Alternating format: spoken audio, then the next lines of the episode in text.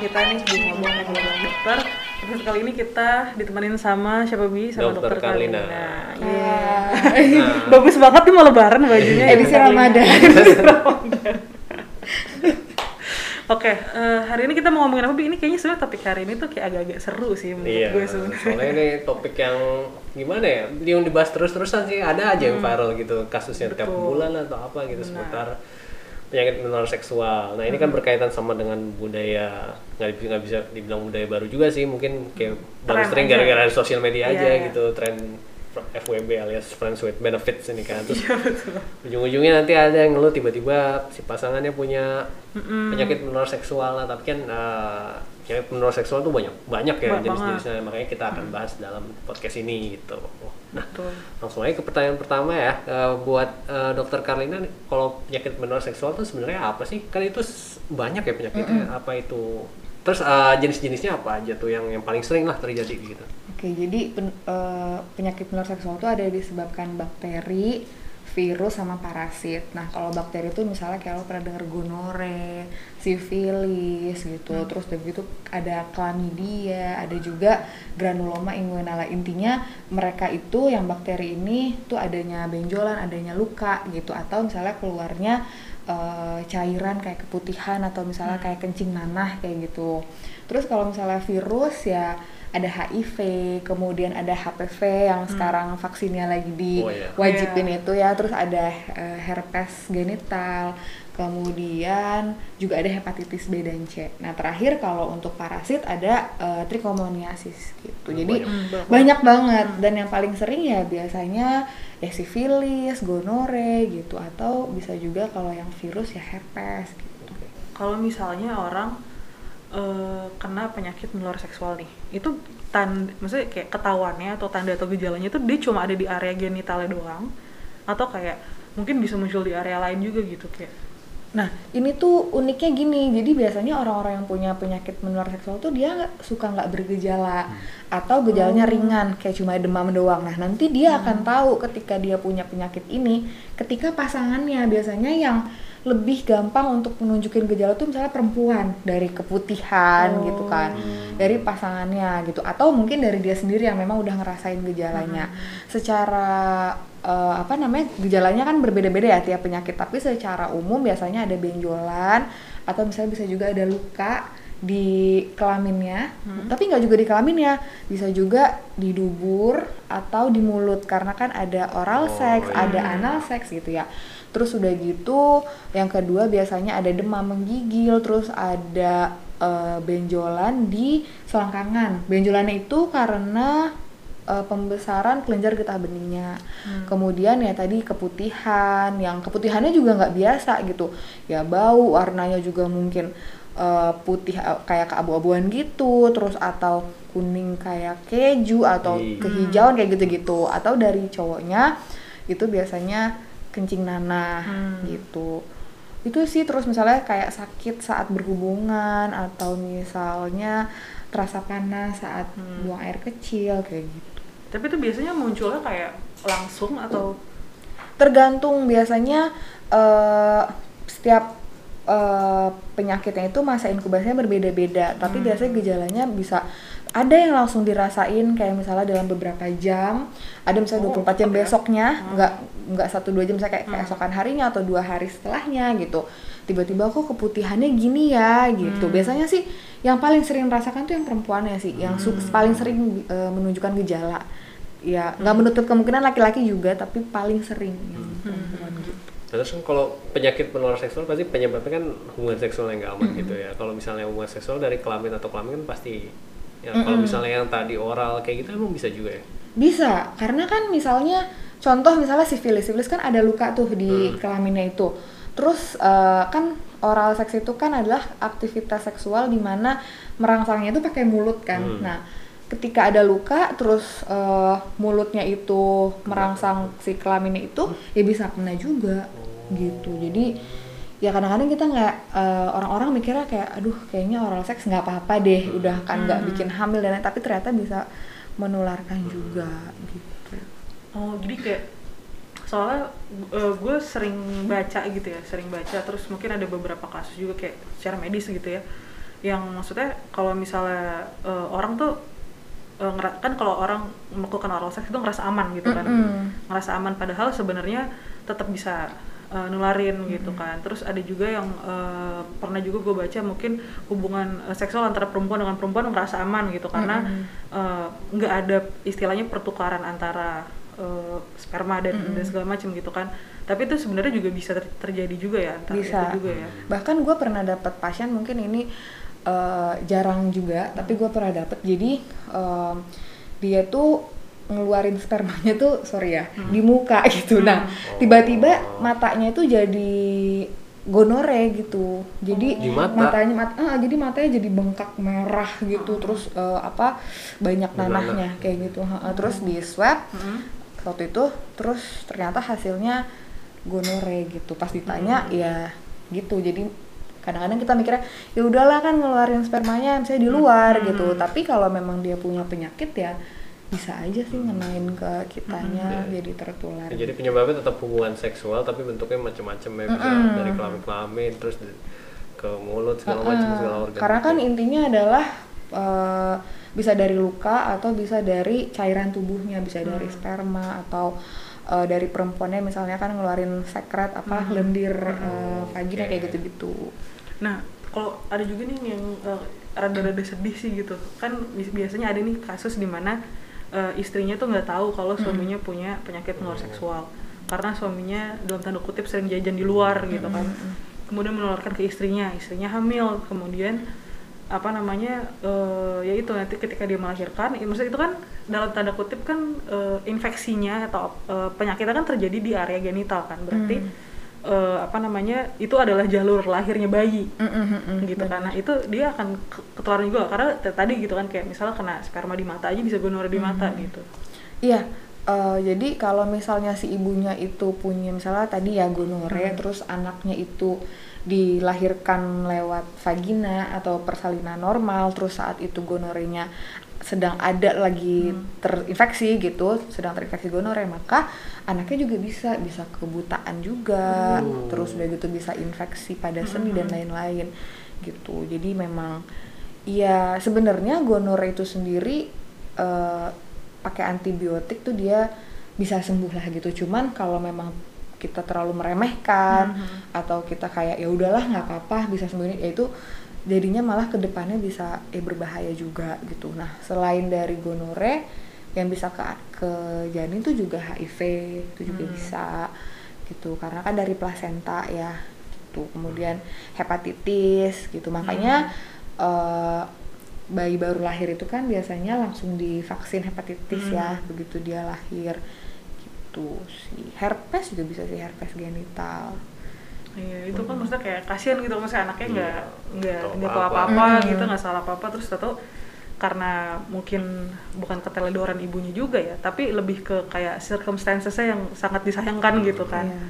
gitu jadinya. Eh, tapi tapi sebenarnya kalau eh, penyakit menular seksual itu berarti eh, ada screening rutinnya gitu nggak sih? Misalnya kayak buat jaga-jaga gitu. Iya, jadi kalau misalnya eh, kita misalnya merasa nih eh, kayak gue gonta-ganti pasangan nih gitu, terus eh, pokoknya ya merasa seperti itu atau ada apalah yang berhubungan dengan seksual gitu ya kita harus screening sih. Kalau ya biasanya ada torch ya buat tahu kena infeksi herpes atau enggak. Selain itu torch juga bisa buat tokso dan lain-lain ya. Kemudian atau misalnya juga kita bisa cek sampel darah untuk tahu kita kena misalnya sifilis atau HIV kayak gitu. Jadi bisa di screening kalau memang kita sudah eh, aktif secara seksual dan misalnya walaupun sekali aja pernah nih berhubungan tanpa pengaman dengan orang yang kita nggak tahu itu ya itu udah mesti dicek sih.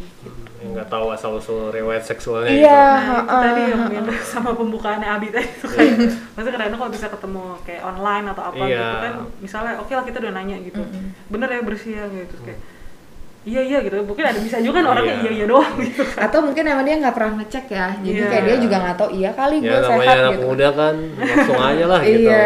macam-macam iya. Nah kalau udah kayak gitu penanganannya gimana sih kalau buat infeksi menular seksual gitu? Terus kalau misalnya nih nggak ditanganin gitu, terus ada komplikasinya nggak kayak? kalau untuk yang karena bakteri kayak sifilis, gonore gitu dia bisa pakai antibiotik, Hmm. dia bisa sembuh gitulah. Cuman kalau yang bakal bertahan lama di dalam tubuh kita itu kayak herpes genital itu dia ibaratnya kita nggak jelas nggak akan bisa sembuh gitu. Jadi ketika Hmm.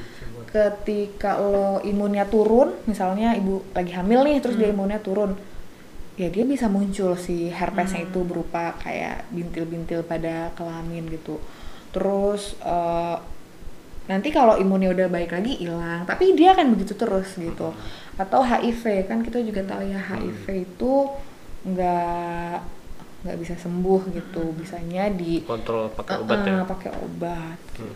gue pernah pernah eh, baca bahwa katanya ada kayak salah satu penyakit eh, menurut seksual gitu yang eh, kalau misalnya dia kena ke perempuan nih dampak jangka panjangnya adalah dia bisa mempengaruhi ke kesuburan gitu Benar. ya itu juga ya Benar. Jadi kalau misalnya terinfeksi kan itu infeksi ya. Kan kalau perempuan itu kan organ eh, reproduksinya tuh kan dia eh, ada apa namanya panggul segala macam segala macam nah itu nah itu kan bisa terinfeksi. Hmm. Nah itu kalau infeksinya sudah sampai ke situ bisa infertil kayak gitu.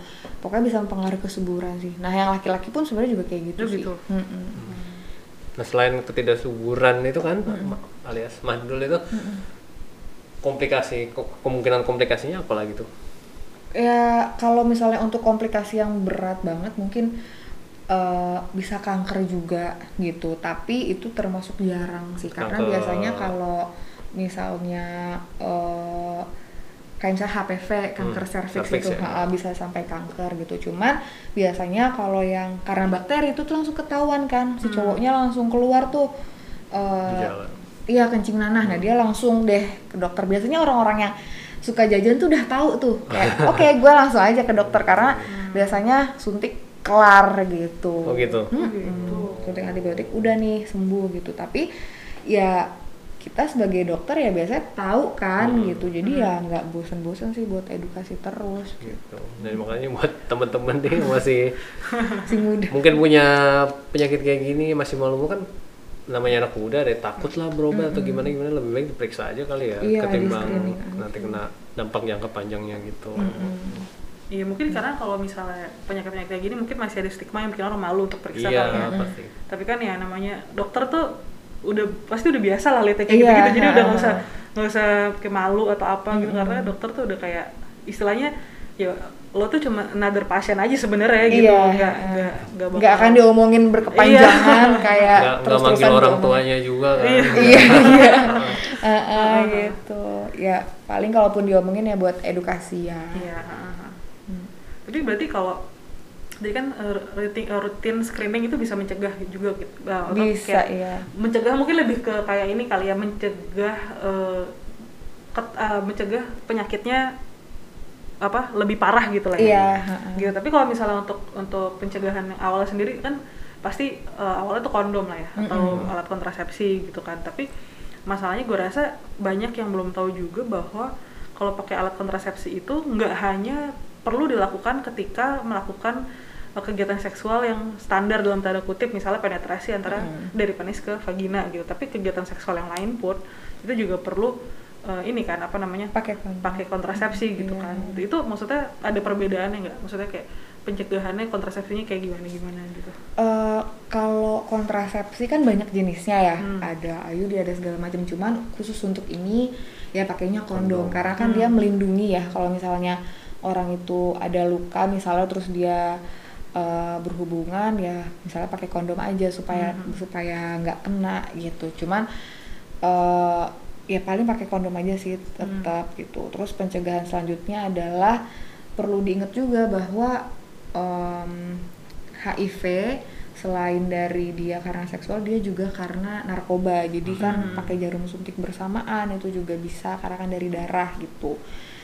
Terus kemudian gue pernah baca jadi kalau misalnya mengkonsumsi alkohol secara Hmm. berlebihan gitu itu akan men-trigger orang untuk melakukan hubungan seksual dengan ya misalnya kayak Hmm. ya ya udah deh gitu aman saat gitu. ketemu aja misalnya sama Ah, siapa ah, ah, gitu dalam keadaan mungkin nggak sadar Hmm. gitu nah itu kan bisa beresiko ya dan Hmm. apalagi mungkin dia jadi nggak nggak ngeh tuh nggak sadar gue Ah. sama siapa ya tadi Ah, atau ah, apa segala ah. macam gitu gitu kemudian juga ya jangan ganti-ganti pasangan Iya, seksual itu sih sih ya, harus yang paling setia. utama ya. Iya. gitu ya gitu sih Iya, soalnya kalau apa fenomena FWB ini masalahnya sekarang tuh eh, sebenarnya kita bukan maunya apa ya kalau itu kan ter- terserah pilihan gaya hidup masing-masing lah ya. Mhm. Terserah Cuma eh, memang yang perlu ditekankan di sini adalah keamanannya Iya. gitu kan, keamanannya dan edukasi di mana ketika sebenarnya bukan cuma yang FWB do- FWB doang ya maksudnya Mhm. yang suami istri pun dan segala macam juga perlu memperhatikan eh, apa namanya ya tanda-tanda eh, penyakit menular seksual Hmm. juga gitu kan siapa Hmm. tahu misalnya amit-amitnya tadi kayak yang tadi gue ceritain gitu misalnya kita nggak tahu pasangannya ternyata di luar eh, Jajan. kayak gimana jajan atau Hmm. apa gitu terus eh, harus lihat nih tanda-tandanya gitu kalau Iya. misalnya udah ada gejalanya jangan denial kayak yang kayaknya nggak mungkin deh gitu mungkin Hmm. mending tanya atau periksa Iya. minimal gitu ya Dan kalau misalnya kayak udah misalnya udah terlanjur hamil terus punya penyakit eh, menular seksual katakanlah misalnya yang karena virus kan Hmm. bisa ditekan gitu eh, Hmm. virusnya untuk berkembang bisa pakai Hmm. obat antivirus gitu. Hmm. Jadi maksudnya jangan takut gitu dan ya ya mungkin kemungkinan untuk anaknya dalam kondisi sehat ketika kita udah minum antivirus ya itu bisa gitu Hmm. jadi kayak nggak usah mikir kayak "Ah, anak gue bakal cacat apa segala macam Yang gitu penting periksa dulu aja. periksa deh. dulu aja Ah. ha, ha, gitu kalau misalnya sekarang tuh eh, apa namanya kalau mau periksa nih itu datangnya ke dokter apa nih Eh, biasanya kalau yang perempuan eh perempuan laki-laki sih ya ke dokter spesialis kulit dan kelamin SPKK gitu. Eh, tapi kalau misalnya kayak udah merasa ada gejala nih yang perempuan kayak aduh kok gue misalnya mens yang nggak teratur atau apa Hmm. bisa ke dokter kandungan gitu. oh itu bisa mempengaruhi gejala eh apa sorry siklus menstruasi juga ya? Bisa. uh, uh. oh ya jadi emang tapi kalau first stepnya itu ya berarti ke SPKK itu ya. Mm-mm, mm-mm. SPK kalau misalnya eh, mau ke dokter umum dulu gitu itu bisa juga nggak atau Bisa juga. biasanya nanti kayak juga. di Kalau perlu di belum dirujuk yakin gitu ya. Uh, uh. Tapi kalau ke dokter harus berdua ya, nggak bisa kayak suaminya atau Oh, cowoknya atau gitu. cowoknya uh, harus berdua. Kalau misalnya Oh. memang dia ternyata pasangannya ada tiga, misalnya bertiga, eh, bertiga Iya. tiga tiganya gitu. Iya, iya, Ini benar. ramean aja udah Ah, gitu. Yang sekiranya kayak gue udah berhubungan sama dia nih gitu. Dalam waktu dekat ini kok gue ada gejala udah dibawa aja gitu biar Biar semuanya sama-sama tahu gitu ya. Iya, heeh, sama-sama tahu, sama-sama sembuh, sama-sama ngejaga.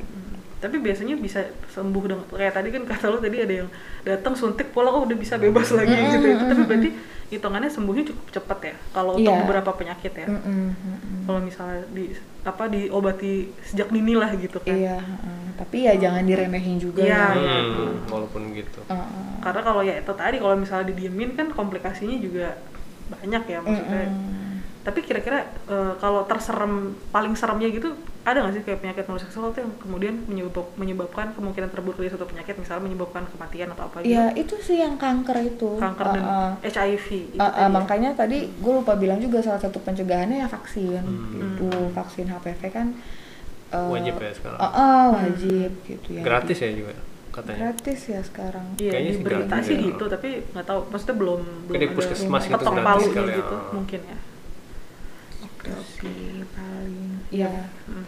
Ya Kayak, itulah uh, kalau uh, misalnya kayak gaya hidup lah itu maksudnya kita harus memperhatikan iya kalau misalnya mau menjalani gaya hidup yang uh, bebas ya at least Tapi sopan lah gitu. Am, tapi ini sehat. lah sehat lah. At, Iya. at least lakukan tindakan pencegahan aja lah kayak Uh, uh, gitu. Kayak iya. pakai kondom dan semacamnya. Jangan macem-macem gitu. Oke, eh, ya udah ini apa namanya pembahasannya lumayan ed- eh, menarik gitu kan dan, dan educational juga. Karena maksudnya gue juga baru tahu tuh tadi kalau misalnya periksa mendingan sekalian berdua gitu Iya, kan. itu tuh gue gue baru tahu tuh karena gue pikir tadinya ya udah ini apa periksa sendiri aja karena nanti gitu. jadinya pingpong gitu loh Nin. Kayak Oh. lu udah sembuh dia belum. Ya terus ntar kena lagi. Terus dia berobat ya ya gitu aja terus nah ya gitu. jadi mendingan sekalian mulai bareng. Ah, ah. pengobatannya sembuhnya bisa bareng juga jadinya biar nggak bolak balik gitu ya. Benar. Jangan lupa juga jujur sih sama pasangan Iya, kayak lu udah sama siapa aja gitu Buat teman-teman juga yang mungkin masih bingung, yang masih gusar seputar penyakit menular seksual bisa chat dokter di Sehatq ya. Nah, Bisa. bisa, bisa nanti mungkin kalau misalnya kalau memang teman-teman ternyata diindikasi ada penyakit-penyakit kayak gitu mungkin bisa dirujuk ke dokter spesialis sama kulit dan kelamin selanjutnya Betul. gitu. Mm-mm. Oke, thank you sudah menyimak pembahasan kita hari ini. Eh, kasih. semoga bisa bermanfaat buat teman-teman yang mungkin sebenarnya pengen tahu tapi ragu kayak mau nyari di mana, masih malu misalnya atau apa. nggak apa-apa eh, apa namanya eh, siapa eh, mudah-mudahan ini yang kita bahas sekarang bisa membantu Iya. gitu ya. Terus kalau misalnya mau tahu lebih rinci lagi seperti kata Abi tadi bisa eh, pakai fitur chat dokter yang ada di SehatQ dan eh, ceritain aja dulu apa namanya keluhannya apa nanti mungkin akan bisa dituntun Hmm. eh, langkah-langkah selanjutnya apa- seperti apa gitu kan karena kalau online kan juga nggak perlu datang ke Iya. fasilitas kesehatan jadi nanti bisa langsung sat-sat gitu begitu begitu tahu eh, langkah-langkahnya gitu Iya. jadi daripada bingung gitu kan oke thank you sudah eh, menemani kita nih hari ini gitu ya sampai ketemu lagi di ngobok episode selanjutnya ya bye Bye.